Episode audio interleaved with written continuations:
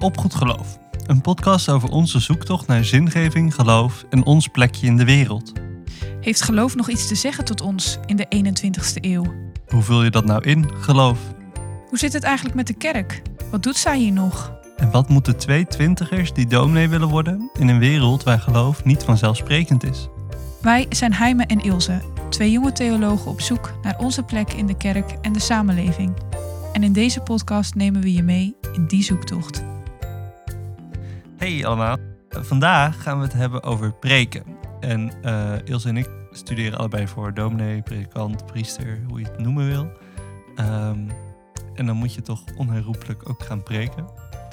Of niet? Kijk, dat is, daar kunnen we het ook nog over hebben. Moet dat wel eigenlijk onherroepelijk?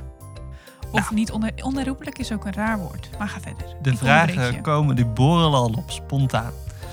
Goed, en wij dachten, nou, dat is misschien wel leuk om daar een podcast over te maken. Niet zozeer omdat wij eh, nu echt een preek-experts zijn. We, staan ook nog, ja, we zijn nog niet eens dominee.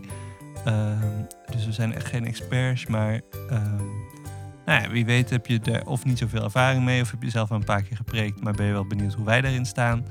Eh, ik denk dat het voor allebei wel leuk kan zijn... om dat gewoon een beetje over te hebben van... ja, hoe gaat nou zo'n preekproces? Van, Mm. Hoe, hoe doen we dat? Hoe bereiden we dat voor? Hoe vinden we het om voor zo'n zaal te staan met mensen? Vinden we het eng of niet? Of, ja, goed, wat, wat doen we daarin? En ook, eh, wat zijn onze valkuilen? Wat vinden we lastig? Eh, wat vinden we er mooi aan? Nou, daar gaan we het eh, in het begin van de aflevering samen over hebben. Maar eh, heel leuk, het tweede gedeelte van ons gesprek haakt er iemand bij ons aan. En dat is niemand minder dan Johan Duister. En eh, Johan is dominee in de PKN in Papendrecht. Ja, want het is extra leuk omdat wij, wij hebben op zich wel wat ervaring met preken. Maar Johan heeft natuurlijk nog veel meer ervaring met preken. Dus eh, we zien er ook erg naar uit om dat een beetje naast elkaar te leggen. Maar wij als nou ja, beginnend slash nog helemaal geen predikanten. Ja. En hij al wel een tijdje. ja, kunnen we nog dingen van hem leren? En misschien, heel misschien hij van ons? Wie Nou, weet. Wie weet.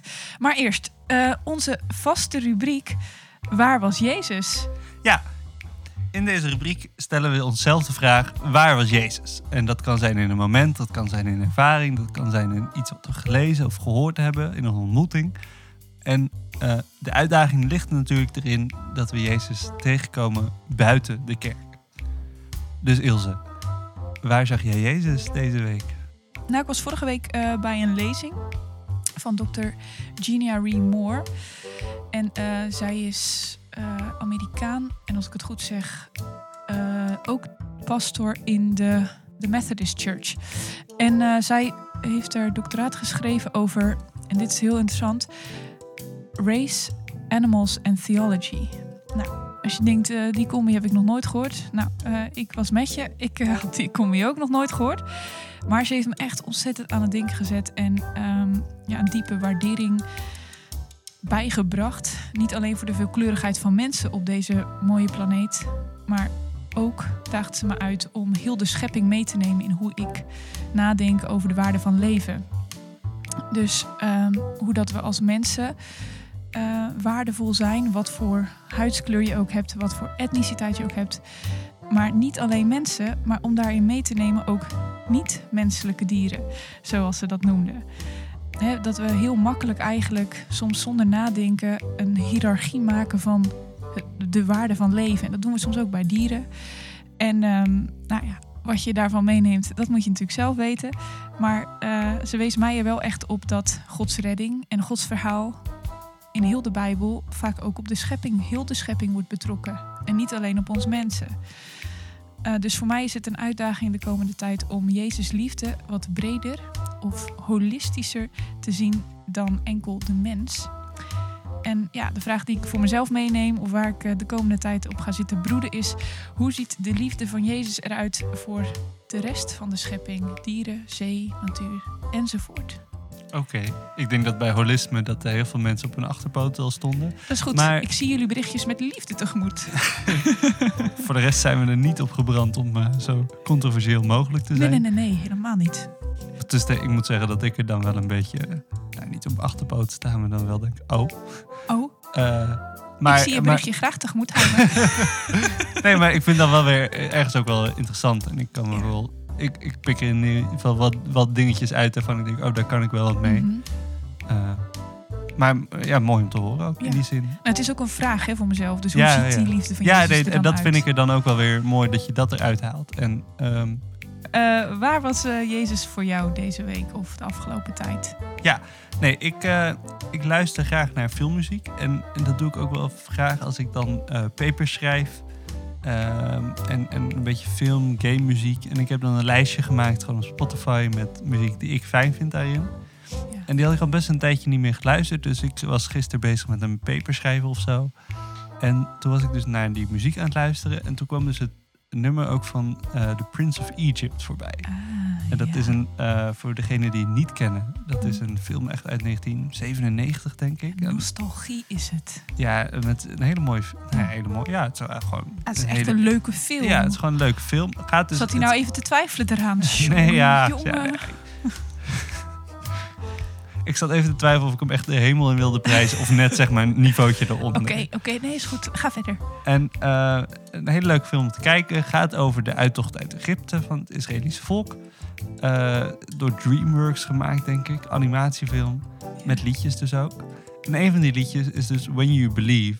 En eh, dat, gaat dus, dat vindt dus plaats tijdens die uittocht. Dat ze echt uit Egypte weggaan. En dan, dat liedje vind ik zelf niet ja, op zich mooi hoor. Maar daar middenin zit dus een soort eh, liedje. En dan gaan een paar kinderen gaan een Hebreeuws eh, stukje zingen. En ik vind dat zo'n mooi stukje. En ehm, ik, heb, eh, ik heb natuurlijk Hebreeuws gehad. Dus ik heb het opgezocht op het internet wat het betekent. Oh, je kon het niet zelf. nee, nee, nee. Pijnlijk. Ehm, nee, ik heb dat opgezocht. En, en het is volgens mij iets als zing voor God. Want God is de grootste. Wie is er, wie is er als onze God? Een beetje zo'n... volgens mij is het een beetje vaag om een soort losjes op een psalm gebaseerd. Maar ik vind dat zo mooi. Want het, het zwelt ook... Zeg maar, het begint met één zo'n kinderstemmetje. En het Hebreeuws klinkt dan ook echt mooi daarin. En, en dat gaan dan op een gegeven moment allemaal kinderen meedoen. En het klinkt heel vrolijk. En het is ook echt zo'n uittochtgevoel. En ehm, ja, ik word daar wel blij van. En daar, ja, dat was gewoon een heel klein momentje. Maar een soort die herontdekking daarvan. Van, oh ja, dit nummer bestaat. En daar word ik blij van. Eh, en dat geeft me energie. Eh, dat was voor mij wel even een, eh, moment waar ik Jezus in tegenkwam, denk ik. Ja, mooi. Ja, ik, eh, ik ben helemaal fan van die film. En filmmuziek überhaupt. Super mooi. Wanneer gaan we samen Shrek kijken? Wanneer gaan we Dit vind ik echt een van de belangrijkste vragen die je ooit deze podcast aan mij hebt gesteld. Want Shrek 2 is by far mijn favoriete film ooit. Ik ga Ilse nu tot leugenaar bestempelen. Is- Nee, dat is niet waar. Nee, want ik hoef zeg maar twee woorden. The Lord of the Rings. Nee, nee, nee, nee. Oh, nee, nee. Garfield. Twee. Garfield 2. Ik heb nooit gezien die film, maar Ja, ja nee, ik, gedeelte nummer 1, Shrek. En eh, Garfield 2, allebei twee. De tweede films, altijd het beste.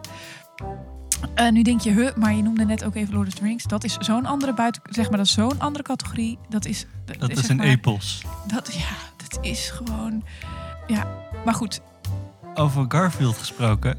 Ilse, eh, hoe was jouw eerste ervaringen met preken? wat een goed bruggetje. We worden hier steeds beter in, hè, dat podcasten. Mensen denken nu echt dat je over Garfield hebt gesproken in je eerste preek. Dat is niet waar. Ehm, Maar ze heeft er wel spijt van dat het niet waar is nu. Dat, ja, dat is zeker waar. Oké. Even een slok water en dan kunnen we beginnen aan de preek. De preek begint ook hè, vaak met een slok water. Dat is wel goed om die ehm, soort anticipatie te creëren. Ja, begin jij altijd ook... ehm we hebben dat ooit zo geleerd. Maar begin jij ook altijd voordat je gaat preken... ook even dat je gaat staan... dat je e- eventjes... nou, misschien zelfs een slok water neemt... en dat je dan iedereen aankijkt. En dan pas ga je beginnen.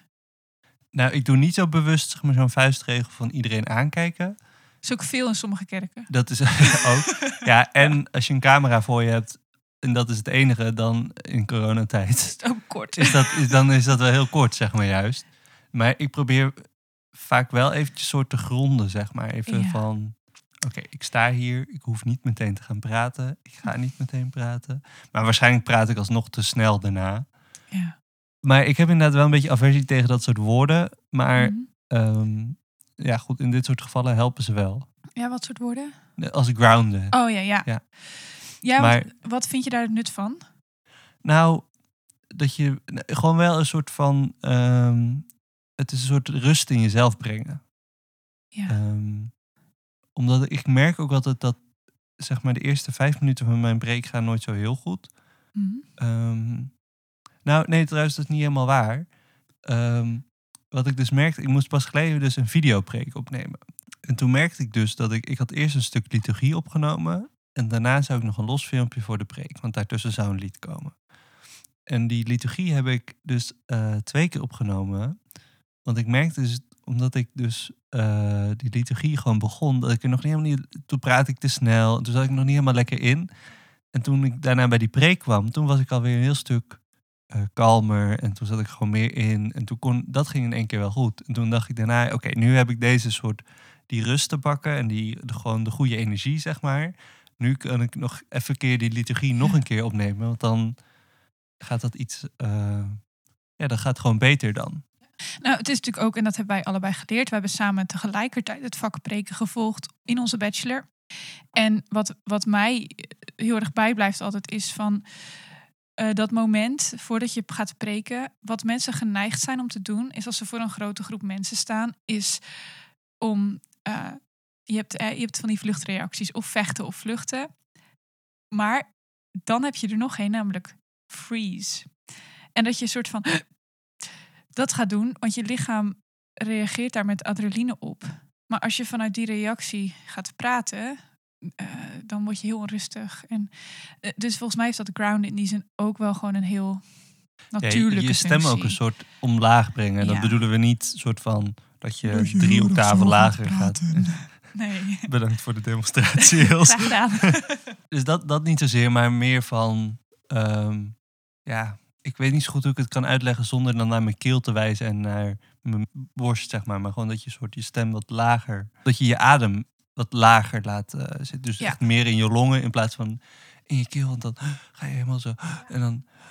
Ja, dat klinkt gewoon niet lekker. Ja, en maar dat is ook voor jezelf is dat onrustig. En, en mensen hebben ook wel door als je onrustig bent. Ik, ik heb wel altijd, ik hoor altijd terug dat ik zo rustig preek, terwijl ik dan ook soms zelf helemaal niet zo rustig ben.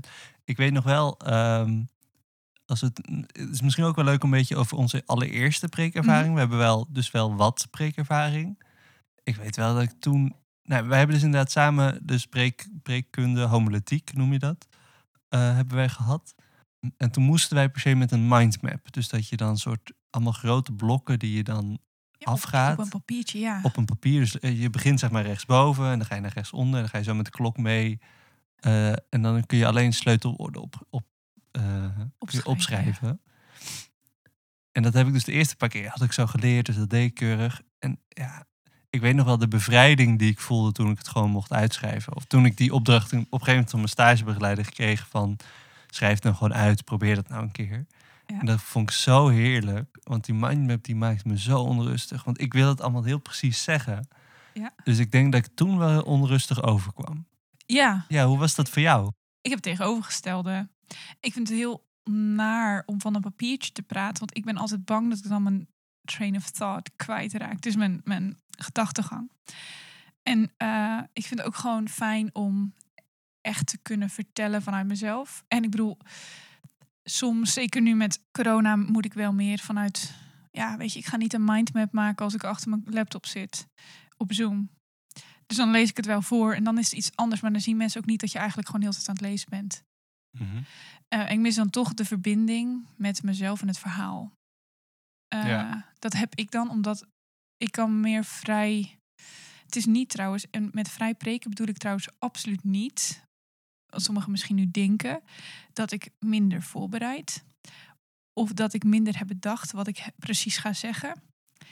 En ik bedoel ook dus niet dat ik me op het moment zelf laat leiden door de geest. Jawel, maar niet doordat ik dus dan Nee, onder de niet, voorbereiding maar niet soort kom. van ten koste van je voorbereiding. Nee. Wat ik bedoel is dat ik in hoe ik praat eh, en, en, hoe ik er sta, dat ik echt contact kan maken met de ander en contact kan maken met het Mm. verhaal, zonder dat ik aan een, aan een geschreven lab tekst zit. Het is voor mij heel belangrijk om er ook rustig te staan. Ja. Maar Ja, terwijl ja. ik dus, dat is wel interessant. In die zin van, ehm, dat lukt mij dus juist niet met zo'n mindmap. Omdat ik dus ik ben dan met zoveel dingen bezig. Ben met honderden dingen, zeg maar. Ik ben bezig met hoe diegene kijkt en hoe diegene kijkt. En ik ben, en, oh ja, ik, ik wilde ook, zeg maar, ik heb dan van tevoren bedacht dat ik deze zin wil ik zo zeggen. En hier wil ik op dit woord moet nadruk liggen. En dan moet ik even stil te houden, want dan komt die zin, zeg maar. De- al dat soort dingen, eh, die kan ik niet op die mindmap kwijt. En dan moet ik dus dat allemaal op dat moment. En ik wil ook nog rustig blijven. En, en, en, en, en dat Ja. gaat allemaal zo. Dus dan kan ik helemaal geen verbinding meer Ja, leggen dan kan je het loslaten door het op. Ja. Ja. En dan staat gewoon op papier, kan ik gewoon zien. Oh ja, ik heb hier vijf spaties gezet. Oh ja, dat is waar. Ik wilde hier even pauze. Ja. En ik kan ook beter de lijn van het verhaal volgen, omdat ik het gewoon in alineaatjes kan onderverdelen. Maar doe je de preek ook van tevoren thuis? Jawel, ja. Ja, ja. Maar kijk, ik doe dat dus best wel vaak. Want in dat preken zelf, voor mezelf, ja, ja, beeld het je maar even in, luisteraar. Dat ik dus tegen mezelf misschien wel vijf, soms wel tien keer dezelfde preek houd. En dat is omdat iedere keer als ik preek, zo schrijf ik ook mijn preek. Dus ik denk, voor mij is het al veel meer een vertellend. Ja, ik zit, ook wel, ik zit hem ook wel een soort vertellend te schrijven. Dus ik zit dan achter mijn computer. Eh, dan zie je me af en toe. Ja, Ilse ziet dat nu. Ik ben dus allemaal handgebaren aan het maken. Ja. En, dan, en dan daarna dan denk ik, oké, oh, wacht, waar wil ik nu heen? Oh ja, oké, dan ga ik dus allemaal handgebaren maken. En dan spreek ik het allemaal nog eens uit. Zeg maar. Dan, de vorige drie zinnen lees ik nog eens een keer. En dan ga ik zo door. En dan denk ik, oh ja, dat is wel een goede zin. En dan typ ik weer verder. ja, Dus ja. dat doe ik ook wel. Maar ik had nog iets anders dat ik wilde zeggen. Ja, dat nou ik, dat ik dus eh prekend schrijf. En daarvoor had je nog iets anders. Dat ik het heel vaak doe. Ja, oh ja, nee, maar dat, is, dus- dat vind ik dus het lastige ook aan zo'n... Dat merkte ik dus ook. Want ik, die eerste Mhm. preken weet ik nog heel goed. Toen moesten wij als, als eindwerkstuk of zo zo'n preek houden. Ja, En toen ging ik in het bos bij de ETF. En toen ben ik daar gaan preken. Echt tegen zo'n boomstronk. Echt acht keer dezelfde preek achter elkaar of zo. ja. En het, het nare was, weet ik nog, dat ik daar dan sta in die zaal uiteindelijk. Met echt mensen voor me in plaats van boomstronken. Dat is anders, hè? En dat, is toch, en dat is toch anders. Ja, Ja? iedereen vertelt het wel. Het, ah, het zijn gewoon een soort boomstronken. Maar het is toch anders. Plak er een gezichtje op en het is compleet. Maar eh, nou ja, je hoopt toch niet dat de mensen zo in de zaal zitten als boomstronken. Dat, maar goed. En, en ik wil alle, zeg maar, ik, oh, dat stukje ging goed in, in versie 3. En dit Oh ja, stukje ging goed in versie 5. En dan, oh, dan wil ik een stukje versie 1 en een stukje. Ja, en ik dan, wil het allemaal in de perfecte versie krijgen. maar hij, eigenlijk is het ook dan toch een beetje perfectionisme van Oh, je. zeker. maar dat, maar dat, dat kan ik, zeg maar, ik kan minder aan dat perfectionisme toegeven als ik gewoon één geschreven versie voor me heb. Ja, oké. Ja. Ja, dan kan het ook niet anders dan dat het er staat. Ja. Wat ik me nog afvraag, we hebben nu heel erg over een soort mindmap versus geschreven, uitgeschreven. Dat is Ja. natuurlijk op zich wel een groot deel van eh het preken. Wat ik, eh, wat ik in, in die zin ook nog wel een interessante vraag vind. Ehm, ik was vanochtend, ehm, dan krijg ik dus zo'n eh, zo'n mailtje binnen van ehm, ja, een soort eh preekmeneer, laten we hem even zo noemen. Eh, Ik weet ook gewoon over wie het hebt. ja, ja. Maar goed, ja, nee. Ik, nou, het klinkt nu heel mysterieus, maar dat, anders is het te veel uitleg. Ehm, en, en die, eh, nou, die, die, die doet gewoon wat losse flarden, dus een soort eh, eh, over preken gaat dat dan. En hij had dus ook een, een interview met een predikante. Ehm, en zij vertelde van, ja, ik heb dan wel heel erg de neiging tot soort mooie taal. En zeg maar van dat ze daar wel van genoten. Nou, dat herkende ik wel. Maar toen stelde zij daar ook de vraag van, komt dan het rafelige, zeg maar, omdat we in de preek op zoek zijn naar mooie taal, mooie voorbeelden, een soort, ja, poëzie bijna, zeg maar. Komt dan het rafelige van het leven nog wel genoeg naar voren? Nou, hier zit ik ook aan te denken van, is onze andere benadering van, eh, ik, ik vind die mindmap echt belangrijk. Jij vindt het echt heel fijn om vanuit die tekst, en ik, dat is geen waardeoordeel. Ik denk ook niet dat we dat hebben naar elkaar over die benadering. Maar heeft het ook te maken met het feit dat wij misschien een andere, mm, de preek anders zien? Want wat is volgens jou het doel of de functie van een preek? Het doel voor mij is denk ik het, het soort het gesprek aangaan tussen aan de ene kant de Bijbel en aan de andere kant de mensen. Ja. En dat klinkt nog steeds heel vaag en breed, maar dat, dat is eigenlijk in essentie wat daar gebeurt. En dat gesprek kan ook een soort twee kanten op gaan. Je kunt soort van de Bijbel, wat de Bijbel zegt, vind ik, ik vind het belangrijk om dat neer te leggen bij de mensen. Dus ook een soort, nou ja, het kan een soort eh, comforting zijn van, nou het komt allemaal goed. En God is erbij. Het kan ook een soort meer confronterend zijn van, ja, we moeten als christenen hebben we gewoon de functie, of dus de, de, worden we hier opgeroepen om aandacht te hebben voor het klimaat of weet ik veel wat. Uh, om, om, om te kijken naar onze medemens. Doen we dat wel genoeg? Dus ook die, Ja. die confronterende functie. Dus dat is denk ik voor mij een beetje voor, van de Bijbel naar de mensen toe. Maar ook wel andersom van... ehm, herkennen wij als mensen ons nog in die Bijbel? Ja. Wat voor emoties, wat voor gedachten hebben wij nu in deze cultuur? Hoe leggen wij onze cultuur ook naast de Bijbel? Dat wordt natuurlijk... is in heel veel gevallen echt heel lastig. Ja, ik denk dat voor mij vind ik het belangrijk dat het over hoe het evangelie spreekt tot ons, eh, onze cultuur, onze context, ons verhaal. Hoe dat een plaats krijgt daarbinnen. En Jezus is natuurlijk het vlees geworden woord. God die mens is geworden net als ons. En in onze shit heeft gelopen en in onze wereld heeft gelopen, met ons heeft geleefd. Vooral dat met ons heeft geleefd. Ik wil kijken in mijn preek hoe dat Jezus ook vandaag met ons leeft. Als dat hele echte, hele rauwe, soms ook hele vlees geworden. Dat is alweer zo'n oud woord, maar eh, Jezus die dan naast ons echt loopt. En hoe gebeurt dat vandaag de dag? Ja, maar eh, ik denk dat, dat de, zeg maar de vraag die ik stelde van naar het rafelige, ik denk dat waarom ik hem stelde, dat we daar nog een beetje aan voorbij gaan. In die Mhm. zin, dus er zit voor mij een soort spanning in dat ik gewoon van mooie zinnen hou. Dus ik, ik durf dat rafelige van het leven durf ik wel te benoemen, maar dat doe ik nog steeds in termen die wel mooi klinken, zeg maar. Dus dan heb ik het over de storm en die over ons heen raast. En dan probeer ik nog weer vijf of drie, drie Metaforen. ja, drie metaforen en nog een synoniem. En zodat het allemaal ook een beetje poëtisch soort van golft, zeg maar. Eh, daar ben ik gevoelig voor, dat vind ik mooi en dat spreekt mij aan. Maar tegelijkertijd, een vraag die hier denk ik mee verband houdt, is ook... hoeveel van je persoon laat jou klinken in die preek? En daarmee bedoel ik dit. We zijn heel erg geneigd, denk ik, in onze tijd van... dat je ook een soort authentiek persoon moet zijn als je daar op die kansel staat of op het podium of waar je ook maar staat. Maar dat is ook best wel lastig, want je wilt ook weer een soort die Bijbel laten eh, spreken. Je wilt ook dat mensen zichzelf erin kunnen herkennen.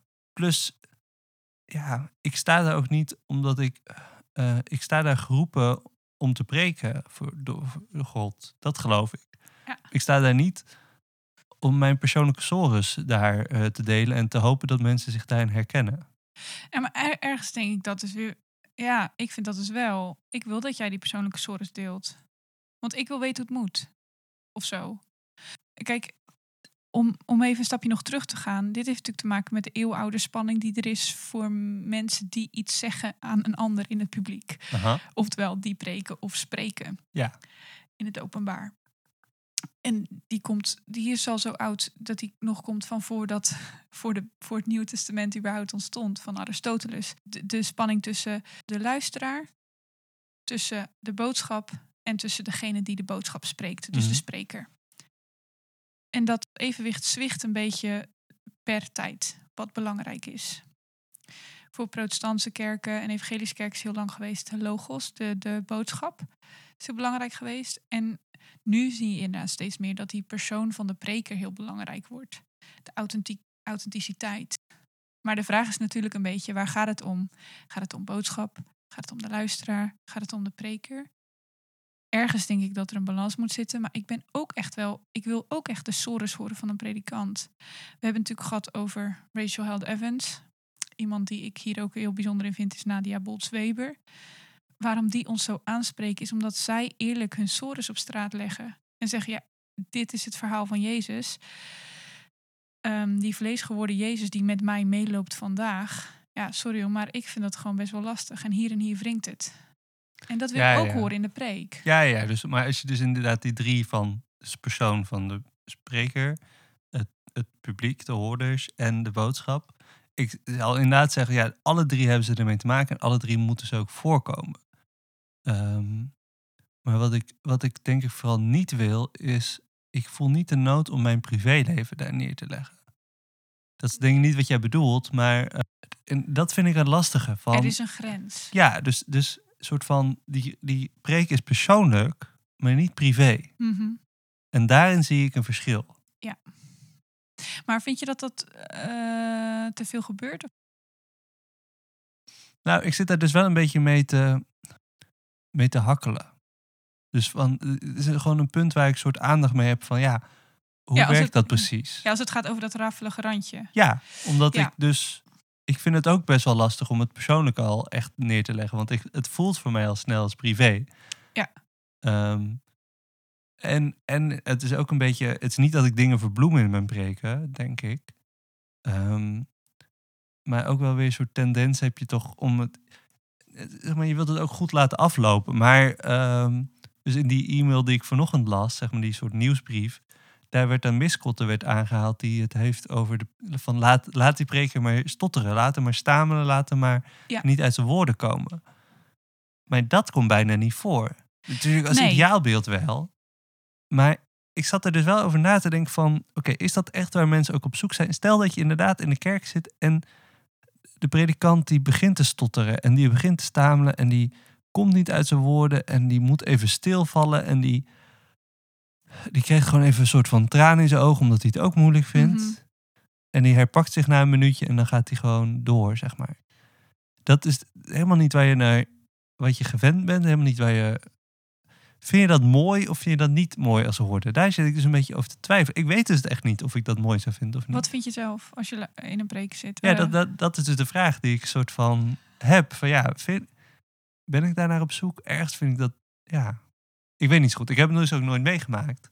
hmm. Maar ik merk dus bij mezelf als, als preker, dus niet zozeer als hoorder, maar als preker dat ik die neiging, dat ik dat wel uit de weg ga. Dat is misschien ook een soort perfectionisme of zo, maar ergens heb ik er een beetje een hekel aan dat ik denk, ja, ik moet altijd een soort goed einde aan die preek hebben. En dat, dat Hmm.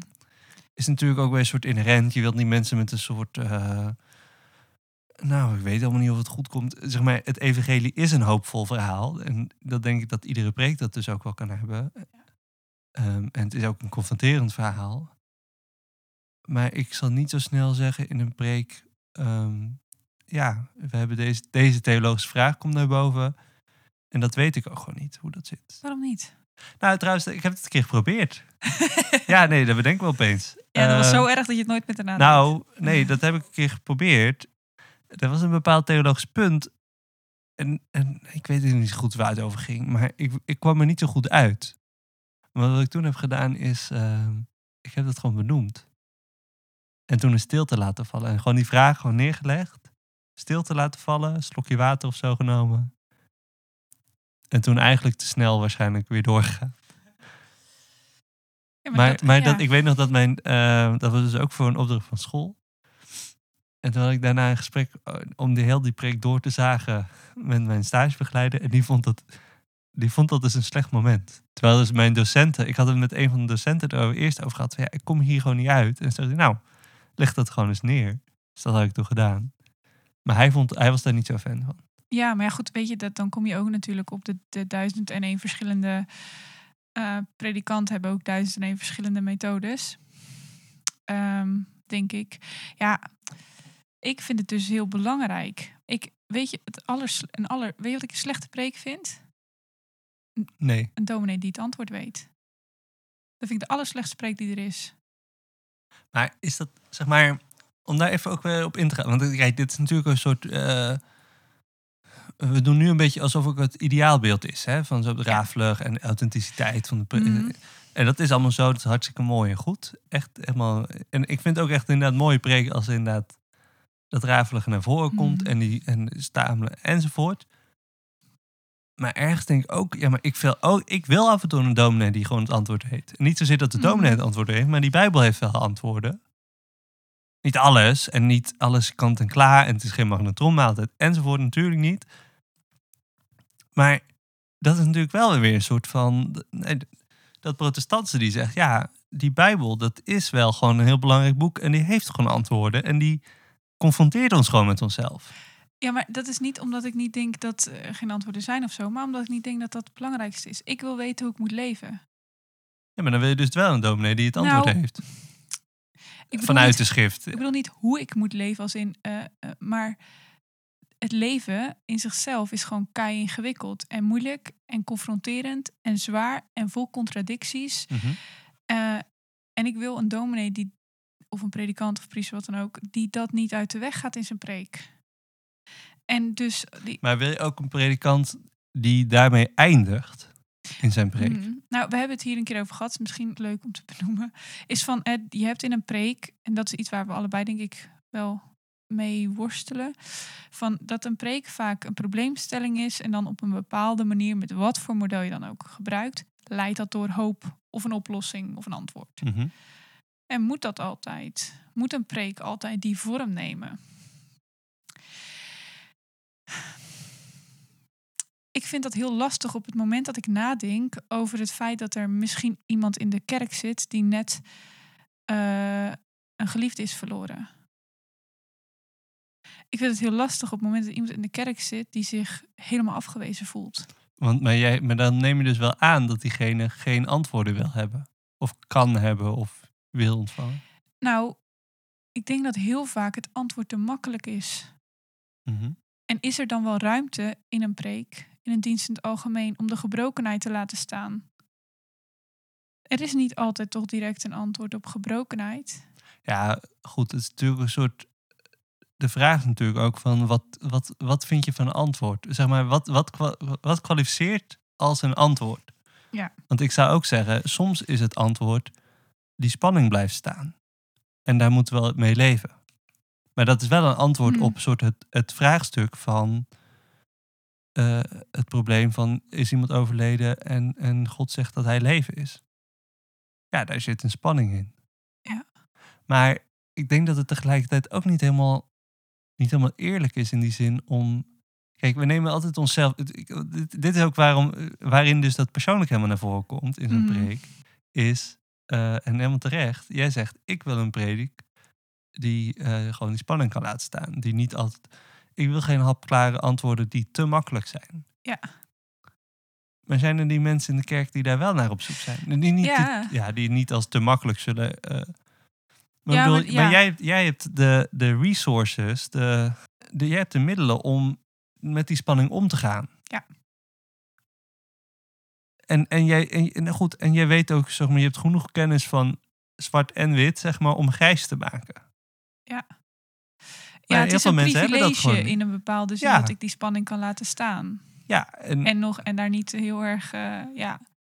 ja, daar ben ik het mee eens. ja, en jij bent een zoeker en jij vindt het leuk om vragen te stellen die Ja. niet per se beantwoord kunnen worden. En, Ja. en dat vind ik ook, zeg maar, daarvoor maken wij deze podcast, eh, Ja. onder andere. Het heeft misschien dus ook een heleboel, heleboel te maken met wie er in je gemeente zitten. Ja, Ben je een, een gemeente vol zoekers en eh, sceptici? Of ben je een gemeente vol mensen die... ehm, ja en je hebt ze Gewoon- allebei, ja. al- gewoon inherent. ja, En, en zeg maar, ik denk dat het ook echt heel erg afhangt van het antwoord. Want ik denk ook dat er heel veel mensen zijn van wie iemand ontvallen is, die, dat er iemand overleden is en die gewoon willen horen. Die, of die, het, die het goed. helpt om te horen. Het, het is goed. ja, Diegene is in Gods handen. En dat, misschien is dat ook wel een soort andere manier van articuleren van die spanning. ja. En ik zit ook te denken, misschien is die balans tussen aan de ene kant ruimte laten voor die spanning. Van, van, van de moeilijkheid en de pijn van het leven. En aan de andere kant ook alweer de, het hoopvolle antwoord die het evangelie biedt. Althans, dat geloven we. dat die balans tussen die twee, ja, dat, is, dat is de lijn waarop je loopt als predikant. Maar ik vind het te makkelijk om te zeggen dat je daarom dus iedere week wel altijd maar naar de hoop moet hangen. En, en, en het klinkt al meteen alsof ik dan een soort van hele negatieve spiraalpreken zou doen. Dat geloof ik ook niet. Maar Nou ja, je bent op zoek naar een preek die de complexiteit van en de Bijbel en het leven recht doet. ja, Maar ik denk dat zo'n preek niet per se complex hoeft te zijn in zichzelf. Ja. Dat zeg ik nu, maar ik weet niet hoe. Nou ja, Ik ben daar dus wel naar op zoek, maar ik geloof dat die er wel is. het is een soort van hoop zoeken. En, en ruimte bieden voor de hoop om er te zijn. Terwijl je ook echt volledig recht doet aan de complexiteit van het leven. En de pijn en het Ja. verdriet. En de moeilijkheid en de onbeantwoorde vragen enzovoort. Ja, Ja. en ik denk dat, het, dat dit ook weer aan een ander punt raakt, namelijk waar wij het in een eerder gesprek ook al over gehad hebben, is ehm, als, zeg maar, als inderdaad het leven zo complex is. Met alle verschillende gevoelens, emoties, gebeurtenissen, vragen, alles. En de Bijbel is niet minder complex. En die twee probeer je bij elkaar te brengen. Je doet er geen recht aan dus om het altijd over de hoop te hebben en het altijd te zeggen, nou het komt allemaal goed. Daar doe je gewoon eh, geen recht aan mensen hun levens. Je doet geen recht aan de Bijbel met al haar verschillende verhalen en brieven en wat dan ook. Maar dat is wel lastig, want ik ben heel gevoelig voor zo'n theologie van de hoop. Mm. Ik vind hoop een heel krachtig woord binnen theologie. Nou, we noemden het net al een beetje van je hebt altijd een soort van tendens in je preken van je hebt een soort probleemstelling en ik, ik bouw die spanning op en dan komt er altijd zeg maar op het toppunt van die spanning komt er zo'n ja maar moment en ik heb er een hekel aan, maar ik doe dat ik heb die neiging gewoon altijd. Dat doe ik gewoon een soort onbewust. Ik heb die ook ergens nodig, want ik heb nog pas geleden naar wat preken geluisterd waar ik die spanning dus miste, waar hele mooie woorden kwamen en waar de Bijbel open ging.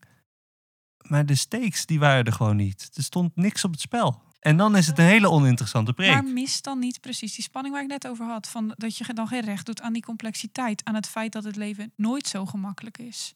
Dat het nooit eh, zomaar zo opgelost is. Je moet toch ook een ja maar hebben. Juist omdat het evangelie bijna altijd wringt met onze realiteit. Ik bedoel, het kruis zelf, dat is toch het ultieme voorbeeld. Wat, ik bedoel, als je eventjes los van alles mooi, maar echt- wat de hel gebeurt daar? Ja, ja, ja. Maar is het niet te simpel om alle verhalen in de Bijbel, het hele kruis, het hele evangelie in één groot ja, dat is altijd een ja maar moment.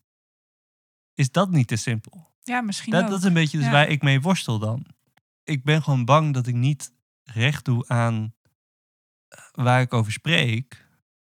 Als ik altijd hetzelfde model. Dat is een beetje mijn, Mm, die spanning. Ja.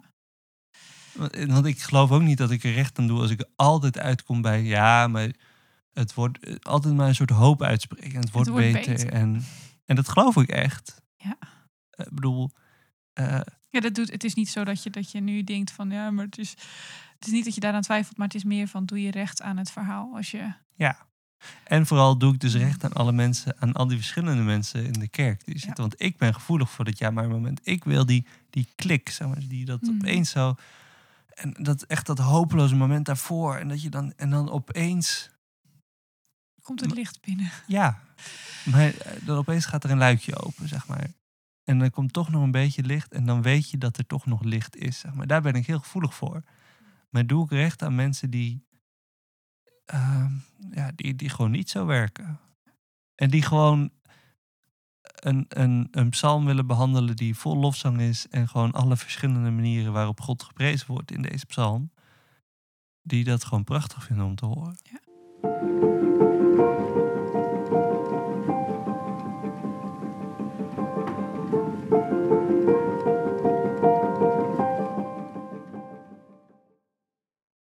we zijn nu bij het tweede gedeelte van deze aflevering aangekomen. En aangeschoven is dominee Johan. Eh, hallo Johan, leuk dat je er bent. Goedemiddag. Hoi hoi. Ehm, en we zijn eigenlijk ook wel benieuwd. eh, we hebben net gehad over eh, ons, ons spreken. maar we zijn eigenlijk ook wel benieuwd wat we kunnen leren van iemand die iets vaker heeft gepreekt dan wij. En Johan heeft zeker iets vaker gepreekt. Johan, kun je misschien kort iets vertellen over, over wie je bent? En ehm, ja, Ja, dat wil ik. predikantschap. Eh, nou, ik ben eh, Johan Duister en predikant nog in eh, de Bethlehemkerk van de Bethlehemkerk gemeente in Papendrecht. En daarvoor predikant geweest in Zwartsluis. En ik ben ehm, in 2010 pas predikant geworden. Dus ehm, Wil je daarmee eigenlijk zeggen dat je helemaal niet zoveel preekervaring hebt? Oh, dat is wel weer een aardig hoe je het bekijkt. Nou, ik begon al te preken in 2000 of 1998 misschien al. Ja. En ik had een goede vriend in, ehm, in een gemeente, die was predikant daar. En eh, die zei, joh, kom bij mij eh, eh, werken Mhm. als kategeet. En weet je, af en toe dan mag je wel een keer preken. En dat was niet helemaal officieel natuurlijk, want ik had geen eh, preekbevoegdheid. Ja. Mhm. Maar dat mocht toch. En ehm, bij hem in ieder geval. En eh, de, de kerkraad vond het ook prima. En daar heb ik wel veel geleerd. Als, als ik nu denk aan hoe ik toen preekte, dan denk ik, nou, dan was ik echt gillend de kerk uitgelopen. ja, hoe, hoe kwam dat dan? Ja, ik, ik denk dat ik heel erg uh, monotoon was en ehm, heel erg uh, vast. Hè. Je bent heel, en, en, dat je ook heel veel wil vertellen, waardoor je de boodschap een beetje begint te missen. Uh, dat, is, dat is vaak wel wat je hoort en het is wel waar. Dat je als beginnend uh, predikant gewoon ontzettend veel wil vertellen. Want je bent met een stuk tekst bezig en je vindt van alles en nog wat. En je denkt, oh, dit is leuk om te vertellen. Dit weten ze helemaal nog niet. Uh, ja, ja, ja, weet je, dat ga je doen. Dus uh, ja, ik vond het... ik, ik denk als ik mezelf van toen terug hoor, dat ik vind dat ik wat later had kunnen beginnen. Maar ja, dezelfde fout gemaakt, dus maakt niet uit. Ja, dus je hebt er ook gewoon heel veel van geleerd. Ja, dat is het. Ja, ja en dan als je later was begonnen, had je misschien dezelfde fouten, maar dan later gemaakt. Precies, precies, dat denk ik. Ja, ja. Maar ja, hoe behoed je een ander daarvoor? Want je kunt wel zeggen, doe het nou niet. Mm maar, maar je trapt er toch in op de een of andere manier. Ik weet nog dat ik mijn eerste preek uh, moest houden voor uh, uh, mijn preekbevoegdheid. En die werd beoordeeld door Theo Boer. dat is een ethicus, hè? Mm -hmm. En uh, ik, ik schrok wel een beetje van zijn opmerking. Hij zei, uh, hij zei, ja, het is niet slecht of zo, daar gaat het helemaal niet om. Hij zegt, maar jij uh, preekt veel te veel in allerlei beelden. Mm -hmm. Hij zegt, dus je, bent, je, je hebt net een beeld, een metafoor neergezet. En vervolgens komt weer het volgende beeld. En mensen moeten dat ook mee kunnen maken. En hij vond mij te moralistisch spreken. en dat van een ethicus. Ja, dat... ja, ja, ja, ja, dat zegt dan wat. Hè? um, waar ik eigenlijk ook wel naar benieuwd ben, en dit vind ik wel leuk om van iedereen misschien even te horen, ook omdat je dan de verschillen gaat zien. Hoe bereiden we een preek voor? Hoe gaat dat proces? Um, ja, misschien. Hoe, uh... Kun je misschien zelf beginnen anders, Ils? Hoe doe jij ja. dat? Uh, nou, ik als echt in de perfecte preekvoorbereiding, en ik heb die luxe omdat ik geen, niet voor een gemeente sta nog. Um, uh, heb ik de luxe om vaak heel lang na te kunnen denken over een preek. Dus ik begin vaak uh, toevallig. Ben ik nu al een beetje aan het lezen voor een preek die ik in de Bethlehemkerk ga houden. Nee, maar ik heb nu ongeveer, uh, ja, ongeveer een maand, anderhalve maand om die preek voor te bereiden nog. En dan lees ik nu vast de tekst. En dan die, die lees ik in een soort meer een meditatief, meditatief lezen. Dat kun je misschien een beetje Lectio Divina noemen. Mm. En eigenlijk het enige wat ik dan doe is rustig kennis maken als het ware met de tekst. Wat is het verhaal? Wat zijn de vragen die gewoon meer persoonlijk in me opkomen? Waar raakt het me? Raakt het me überhaupt? Um, en in het, dus het meest ideale geval laat ik dat dan gewoon gerust is een week of twee, drie, gewoon weken. En dan ga ik daar eens. Uh, die luxe heb jij. Die luxe heb ik, ja. Um, dus um, ja, en dan echt in de week van tevoren ga ik pas, pas de boeken in en ga ik proberen te ontdekken. Wat ik dan zelf het meest interessant vind, is, is de wereld. De wereld ontdekken die om die tekst heen zit. Dus de context eigenlijk. En, um, en hoe, hoe zitten die verhoudingen? Waar heeft Paulus het over? Over wat voor soort mensen?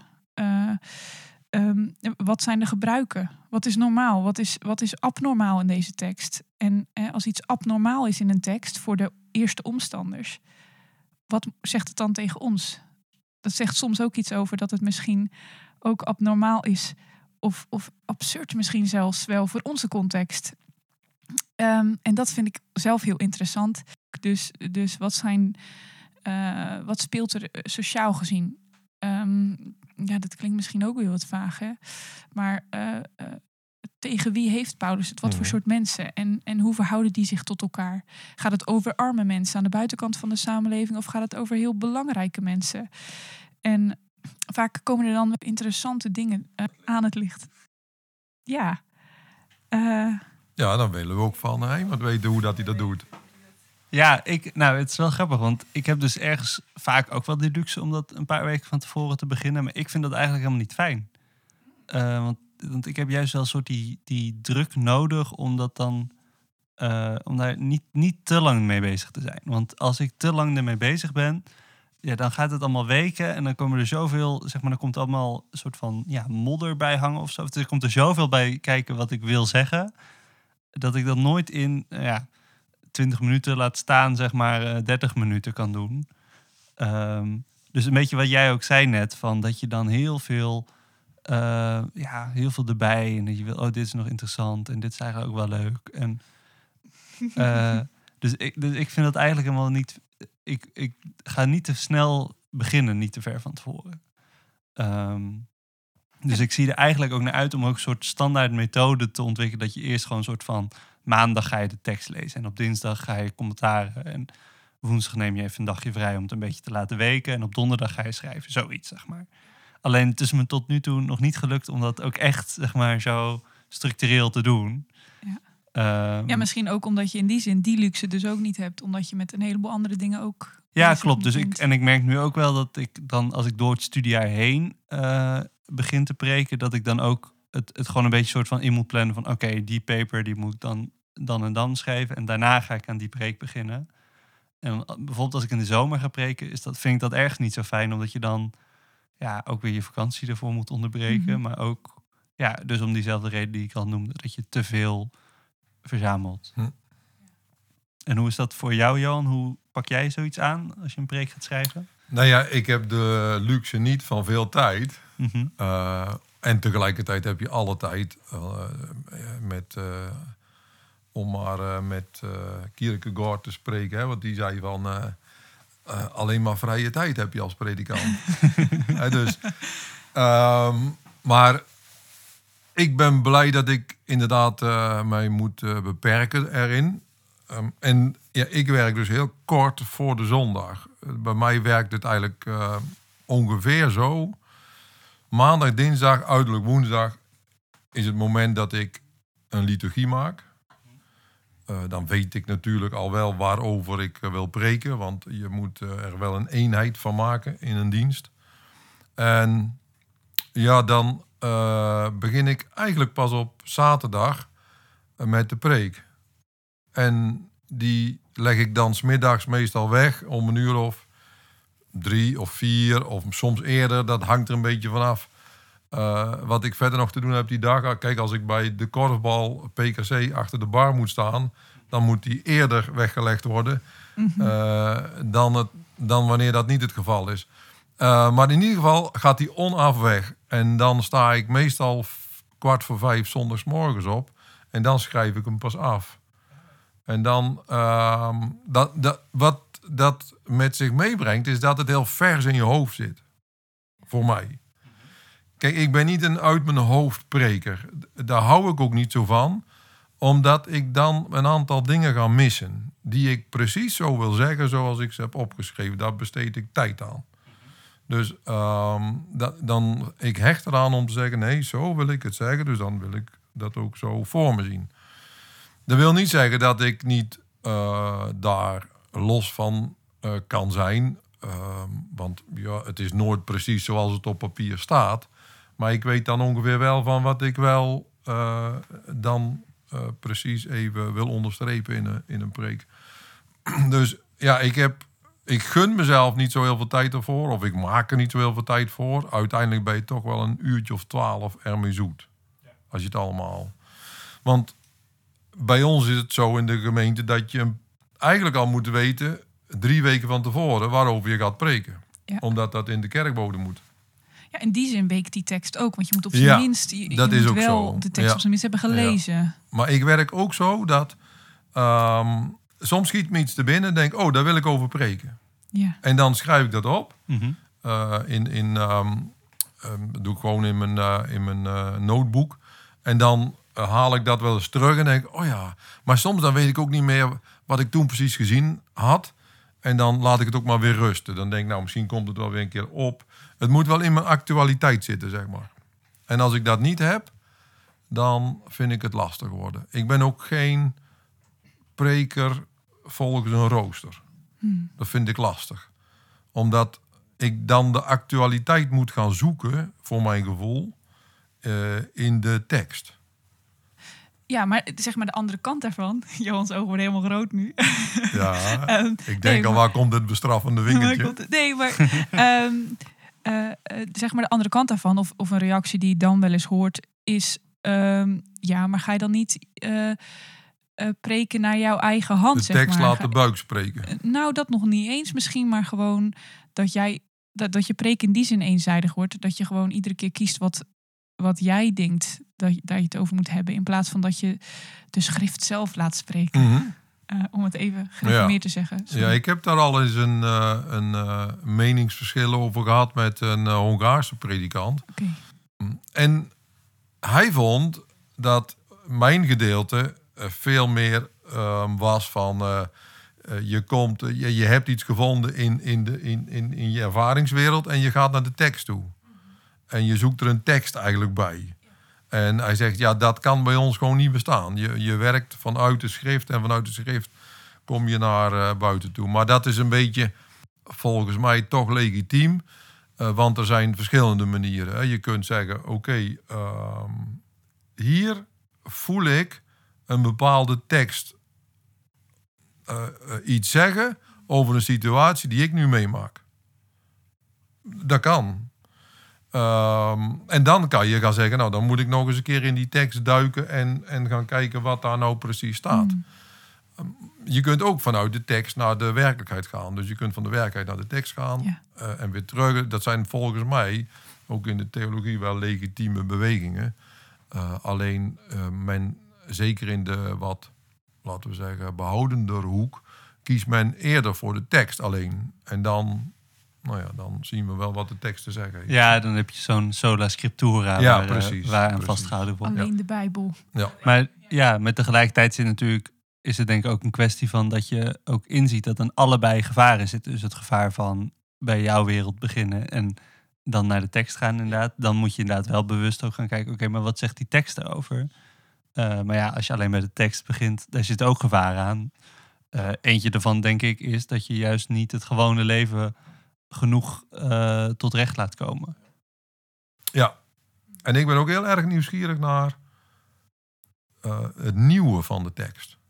Want de tekst, om het maar een beetje met de Joodse benadering te zeggen van exegese, eh, de tekst is zeg maar als een soort ehm, diamant hè, die wel duizend, op, op duizend verschillende manieren uitgelegd kan worden. De- zo, zo is de Joodse benadering. Nou, en ik ben, dan, dan denk ik telkens, ik ben op zoek naar dat nieuwe. Eh, ik weet nog dat jij een keer bij ons preekte, Ilse. En jij bracht ook iets nieuws in, wat ik ook nooit gehoord had. En dan zit ik rechtop. Dan denk ik, hé, hey, dat wil ik graag horen. Maar gaat het dan over het nieuwe? Of gaat het, want, eh, want dan kan je ook dingen gaan zoeken misschien. Dat zou dan het gevaar kunnen zijn. Of gaat het echt om, en wat ik net zei, dat die tekst ons raakt als mensen hier en nu? Ja, Is het, gaat het om dat eerste of dat tweede? Nee, om het, om het tweede. Dat, Ja. dat Gods, Gods woord ons raakt hier en nu. Ja, en in bepaalde zin, want onze context verandert nu natuurlijk continu. Dus Ja. iedere keer eigenlijk die diamant, die draait continu. Precies. Het is niet zo dat die diamant dan verandert Nee, misschien, maar wel nee. dat de lichtinval als het ware De lichtinval anders verandert. is. Ja, ja. Nou, ik denk waar Heim en ik allebei wel benieuwd naar zijn. eh, en vooral benieuwd hoe dat voor jou is, omdat jij toch al wat langer dit doet. Is ehm, het, het soort van persoonlijke karakter van de preek. We hebben nu een beetje hè, erboven ge- gezweefd Mhm. van wat, wat doet die preek en hoe bereiden we dat voor. Maar wat doet het met ons persoonlijk? Ehm, en dat kan best breed. Wat doet het bijvoorbeeld een preek met je in de voorbereiding? Mag het je heel diep raken? Mag je die emotie meenemen de preekstoel op? Maar ook wat doe je dan als iemand achteraf naar je toe komt en zegt... Nou, wat je nu toch allemaal hebt lopen te zeggen op die preekstoel, ik weet het niet, maar eh het sloeg helemaal nergens op. Terwijl je daar je, je ziel en zaligheid in hebt gelegd. Hm. Hoe, eh, help ons, hoe ga je daarmee om, dominee? Nou, ik, ik blijf eh, persoonlijk eh, eh, graag dicht bij mezelf.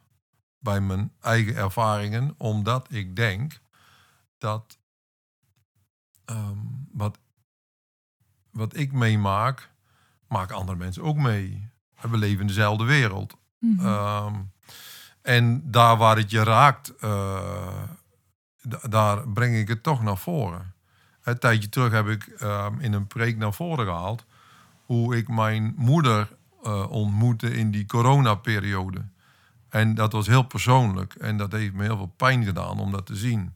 ja. En ik heb het naar voren gebracht ehm, om daar ook iets mee eh, te zeggen. En ik merk dat als ik dat naar voren breng, dat terwijl ik dat in, in de studeerkamer helemaal niet heb, dan, hè, dan, dan gaat dat vanzelf in een preek eh, naar voren, eh, geef je het een plek. Maar op het moment dat je het gaat zeggen, gaat het in één keer jou ook aanspreken op een totaal andere manier. Mm. En kan het inderdaad zo zijn dat het jou ook emotioneert op dat moment. En dat is wel een beetje een lastig ding soms. Eh, ik heb bijvoorbeeld ook eens een keer iets over mijn dochter gezegd. Dat is aan de ene kant eh, gevaarlijk omdat je de mensen over wie je het hebt niet tekort moet doen. Mhm. Uh, aan de andere kant is het gevaarlijk omdat het jezelf kan emotioneren. Maar tegelijkertijd ontdek ik dat mensen in, in wat ze achteraf zeggen over die ervaring, dat ze heel vaak zeggen dat het hun ook geraakt heeft. En, en dat ze er wat mee kunnen. Maar je zei net ook over dat uh, het, het gevaar is dat je een soort van emotioneel wordt tijdens zo'n preek. Terwijl het dus inderdaad veel luisteraars misschien ook wel zullen denken... ja, maar dat vinden we juist wel ook mooi om te zien... dat zo'n dominee ook echt mens is. Ja. Dus, dus wat, is, wat, wat zie jij dan precies het gevaar daarin? Nou, het gevaar is dat je... ehm, althans, dat je, dat, dat je soms eh, het, het risico loopt... dat je niet uit je woorden kunt, meer kunt komen. D- dat wil ik niet. Mhm. Maar is dat erg? N- nou, kijk, ze merken wel dat je soms zelf wat geëmotioneerd bent. Dat krijg ik ook wel eens terug. Ehm, maar dan probeer ik toch, en het is een beetje een soort techniekje die je soms toepast, Ja. om even achter jezelf weg te stappen en te zeggen van, eh, oh ja, ik moet even een hikje nemen nu, om het toch maar te kunnen blijven eh, uitleggen. Want je moet het wel blijven uitleggen. Ja, maar ik bedoel meer, is het erg? Soms denk ik wel eens, zou ik het fijn vinden als dominees ook even niet uit hun woorden komen. Doordat, het, doordat dat verhaal of doordat de boodschap of doordat, doordat ze geraakt zijn. Nee, is niet erg. Maar, maar Mhm. als ik het toelaat, Ja. ik ken mezelf, dan spreek ik vijf minuten niet meer. ja, maar is dat erg? Ja, dat vind ik dan wel erg. Ja, maar waarom? Nou, dus, ja, weet je, daar zitten mensen ook niet op te wachten. Nee? Nee, op vijf minuten is lang, hè? Ja, maar ik bedoel, maar zou de kerk niet juist ook een plek moeten zijn waar er zelfs ruimte is voor de sprakeloosheid van de dominee? Al duurt het vijf minuten. Ja, maar dan zou ik eh, zeggen, ik zeg nu maar amen. Nou ja, maar dat is toch ook, go- zeg Zo maar, goed, ja. ja, ik vraag me af waarom dat, eh, Ja. moet je dat een gevaar noemen? Nou ja, weet je, ehm, ik ben een beetje eh, van huis uit een emotioneel mannetje. Dus ik- bij mij, ik, ik signaleer het voor mezelf als een gevaar, omdat ik er, Mm, eh, dan, dan zou het te vaak eh, voorkomen. En dat wil ik niet. nee. Het, het moet, eh, het moet niet ehm, zeg maar een dingetje worden waar je zelf een beetje angstig voor bent. Dat het gebeurt, is niet erg. Weet je maar. Ik weet nog dat ik eh, de preek deed bij eh, de uitvaart van mijn eigen vader. En ehm, da- daar kwam ik ook tegen zo'n moment aan toen ik mijn eigen kinderen zag huilen. En dan, ja, Mhm. natuurlijk, dan ben je ook even van de leg af. Maar je, maar, maar je, wil, je moet wel verder. Ja. Want, Hmm. want eh, ja, ehm, je kan moeilijk daar een half uur gaan staan snotteren. Ja, en het maar. is natuurlijk ook uiteindelijk, kijk, in, in het geval misschien van, van eh, de rouwdienst van je eigen vader is dat misschien iets anders. Maar in het algemeen, eh, of in een beetje het grotere plaatje, ben je als predikant natuurlijk in dienst van een gemeente. Heb je ook gewoon een bepaalde professionaliteit. En eh, het- dat is denk ik de balans die ik ook zoek hoor in, in het voorbereiden van een preek en in het preken zelf. Dus ik preek niet voor mezelf. Hè, dus ik kan mezelf als persoon helemaal mee laten slepen door die preek. En helemaal weggesleept worden door die emotie, Ja. bij wijze van spreken. Maar ik preek niet voor mezelf uiteindelijk. Voor mij zit dat spanningsveld er ook in. Ja, het gaat denk ik in die zin ook om een soort functionaliteit. Zeg maar. Van als ik iets van mezelf laat zien en als ik iets vertel over mijn eigen leven, ehm, is het dan een mogelijkheid voor mensen die daar zitten om zichzelf te herkennen in dat verhaal? Zo ja, dan, is het, dan heeft het een heeft functie. een functie, precies. En dus Ja. ik heb ook wel verhalen gehoord in preken dat ik dacht, ja, ik heb geen idee wat voor functie dit nou. Ik kan hier niks mee. Nee. Precies. Daarbij, ehm, als jij iets persoonlijks wil zeggen, Mhm. dan moet dat in de context staan van de gemeente. Ze zeggen wel eens, hè, als je het vak homiletiek volgt, dat je een eh, foto moet, neer moet zetten op je bureau van iemand uit de gemeente. Ja. En dat heb ik vaak wel in mijn Ja? gedachten. Oh, oh, ik dacht op je bureau. Nee, Nee, in gedachten. Hè? Ja. Dus dat- dat je eigenlijk zegt van joh, eh, ik zit nou aan die persoon te denken, die loopt daarmee te tobben. Eh, en, en soms, eh, en dan kan een voorbeeld wat ook in jouw leven een rol speelt, Mhm. dat, dat, wat daarbij past, kun je wel gebruiken. En, en dan is het en authentiek, maar daarin neem je ook die ander mee die daar ook mee worstelt. In die zin is het natuurlijk ook wel heel logisch dat, eh, dat je ook ziet dat predikanten nu in coronatijden dan, als er geen eh, mensen meer in de kerk mogen zitten, dat ze allemaal foto's op de kerkbank plakken. Je hebt dat natuurlijk wel op internet heb ik dat een paar keer voorbij zien komen. Eh, maar dat laat ook wel zien dat dat preek ook een soort echt heel persoonlijk is in die zin dat je ook die connectie met, ehm, met die mensen die daar zitten ook probeert op te zoeken. Dus ik probeer dat ook altijd wel als ik preek. Ik vind dat zelf ook altijd nog wel lastig. Ik ben ook benieuwd hoe jij dat als, als beginnend eh prediker eh, ziet. Want ik vind zelf ook nog wel lastig, omdat sommige mensen. eh, dat is gewoon manier, misschien hun manier van, van luisteren. Maar ik zie dan niet aan hun dat zij luisteren. Dus die zitten er dan met hun armen over elkaar. En ja, met een heel droog gezicht.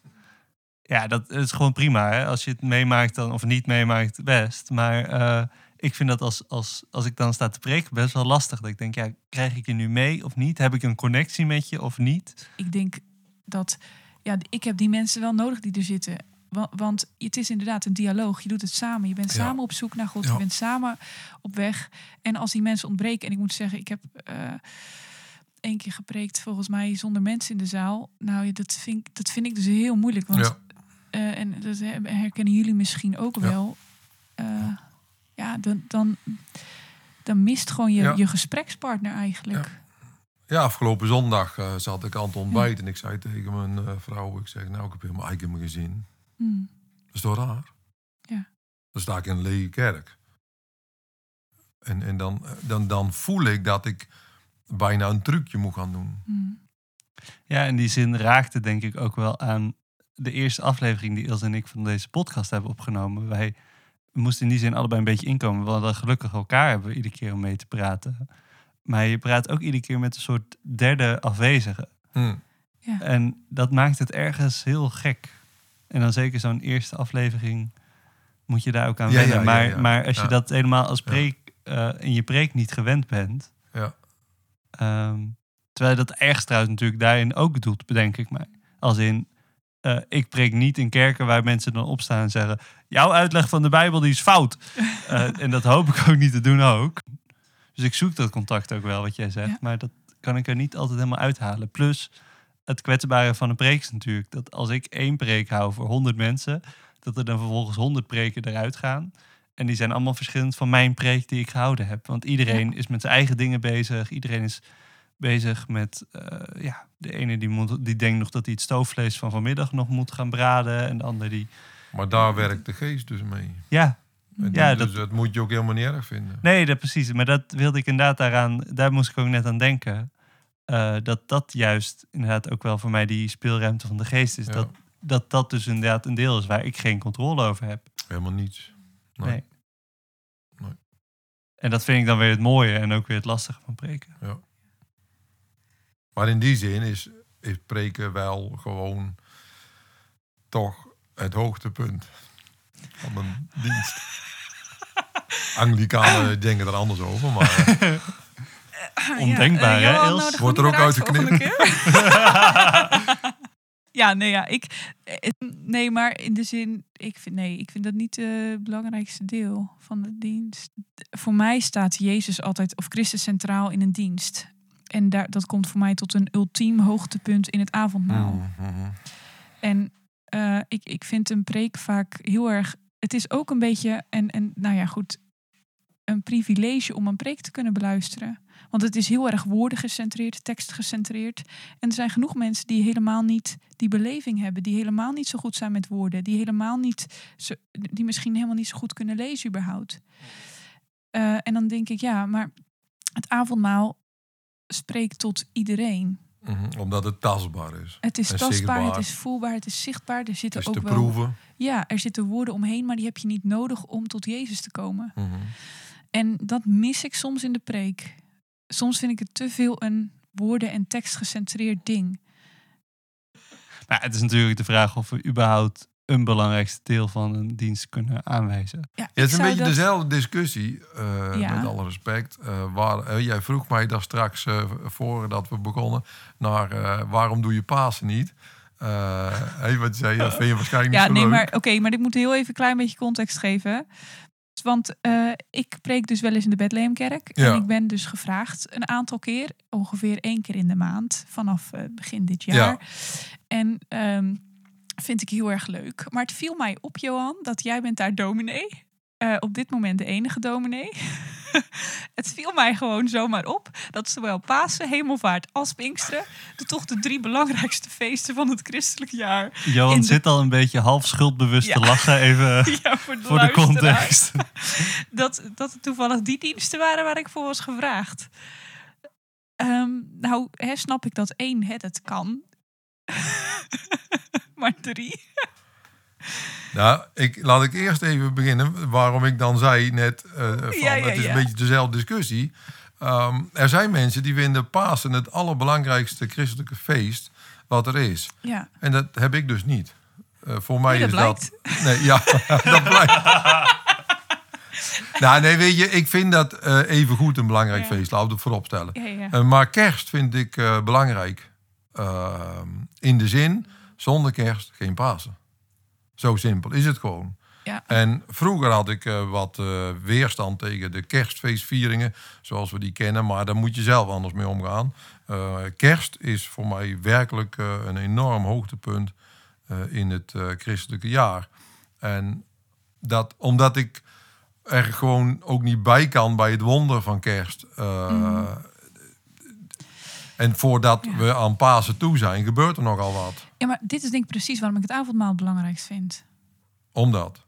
Nou, omdat wij niet bij het wonder van Christus kunnen. Het wonder van een God die mens wordt. Mhm. En in het avondmaal kun je daar geen woorden aan vuil maken. En in de preek wel. Aan vuil maken. Nou, ik vind het een goed argument. Oké, nou op die noot Ja. gaan we er denk ik een einde aan breien. Ehm, Vrouwen Ja. moeten altijd toch het laatste woord hebben. hè? ja, maar dat is ook Ja. gewoon zo. Ze hadden ook het eerste woord hè, na de, de opstanding van Jezus.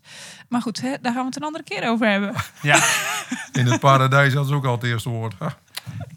In ieder geval, Johan, eh, eh, heel erg bedankt voor je komst. En, Graag gedaan. eh, dank je dat je Erg leuk in om te gesprek wil. eh. Heel erg bedankt dat je luisterde naar deze aflevering van Op Goed Geloof. We willen graag dat meer mensen ons vinden. Dus vond je het leuk? Stuur deze podcast dan door. En laat anderen ook kennis maken met Op Goed Geloof.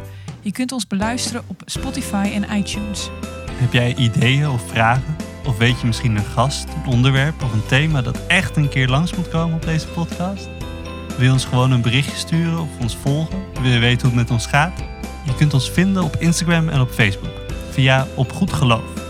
En je kunt ons ook nog mailen op het e-mailadres opgoedgeloof.gmail.com. Een podcast maken kost geld. Dus zou je ons willen steunen zodat we deze podcast kunnen blijven maken? Vind ons dan op petjeaf.nl. Maar je helpt ons ook al enorm door een review achter te laten op iTunes. Zo kunnen meer mensen ons vinden. Bedankt voor het luisteren en tot de volgende keer.